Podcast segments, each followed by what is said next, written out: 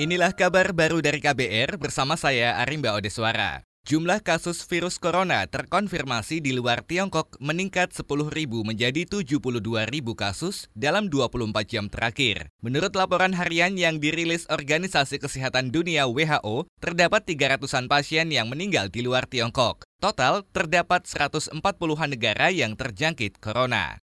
Sementara itu, saudara, masyarakat mengeluhkan waktu tempuh yang lebih panjang di tengah pembatasan moda transportasi Transjakarta. Penumpang bus Transjakarta Puspa Kartika Sari juga mengeluhkan waktu kedatangan bus yang mencapai 20 menit. Terus yang biasanya tuh kayak paling selat-selat 4 sampai 5 menit gitu, kan ada monitor TV-nya tuh. Itu nggak ada-ada yang jurusan gue kan kalau dari depan BPKB itu. Nah, tadi itu cuma ada yang ke Duku Atas. Oh, Tosari. Sekarang kan Duku Atas jadi Tosari. Dan itu pun kayak yang hitungannya kayak 25 menit, 20 menit gitu. Nggak, nggak kayak biasa. Biasanya tuh paling kayak selisih-selisih 4 menit lah kalau pagi ya. Penumpang lain, Aika Renata, penyiar di kantor Berita Radio KBR juga mengeluhkan kebijakan ini. Ia menyebut dampaknya banyak lansia serta balita yang tak mendapat kursi prioritas karena menumpuknya penumpang dalam satu bus.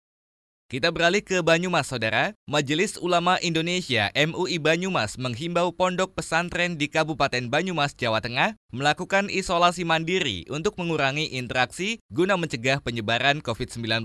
Ketua MUI Banyumas, Khariri Sofa, juga meminta pengelola pesantren untuk membatasi kunjungan wali pelajar selama 14 hari. Pesantren juga kalau nanti ditiadakan, anak-anak pulang malah memperbanyak komunikasi kumpul-kumpul di rumah nanti tetap uh, efektif malah anak-anak jangan, jangan boleh keluar dan orang luar yang masuk ketat. Kemudian kita akan berusaha untuk preventif untuk seperti di tempat-tempat umum itu nanti akan ada tempat untuk mencuci tangan. Kemudian kalau yang ada gejala sakit sedikit kita isolasi. Tidak boleh keluar itu nanti tapi diisolasi. Meskipun membatasi kegiatan, Ketua MUI Banyumas Khariri Sofa menyebut kegiatan belajar mengajar harus tetap berlangsung.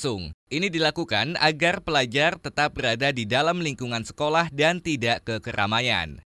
Beralih ke Sulawesi Tengah, Saudara, pemerintah Provinsi Sulawesi Tengah mengeluarkan sejumlah kebijakan untuk mencegah penyebaran corona. Gubernur Sulawesi Tengah, Longki Janggola, menyebut kebijakan itu di antaranya imbauan belajar di rumah dan pelarangan pemberian izin keramaian. Bahwa hari ini kita mulai ada edaran-edaran kurangi kontak, kurangi pertemuan, kurangi segala macam aktivitas kita kurangi.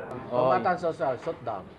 Sekolah sudah kita liburkan, Pak mulai hari ini kita sudah liburkan. Ya. Nah, memang persis yang kewenangan kami SMA ya. hari ini semua sementara ujian. Jalan. Ya, yang kelas 3-nya, yang kelas berapa? 12 ya kalau kelas 3. Yang kelas 1 2 memang sementara libur ya. Udah sekalian aja libur tambah jadi 14 hari. Dalam menyikapi penyebaran virus ini, Longki juga meminta fasilitas untuk tutup, termasuk tempat hiburan dan rekreasi. Demikian kabar baru dari KBR, saya Arimba Odeswara.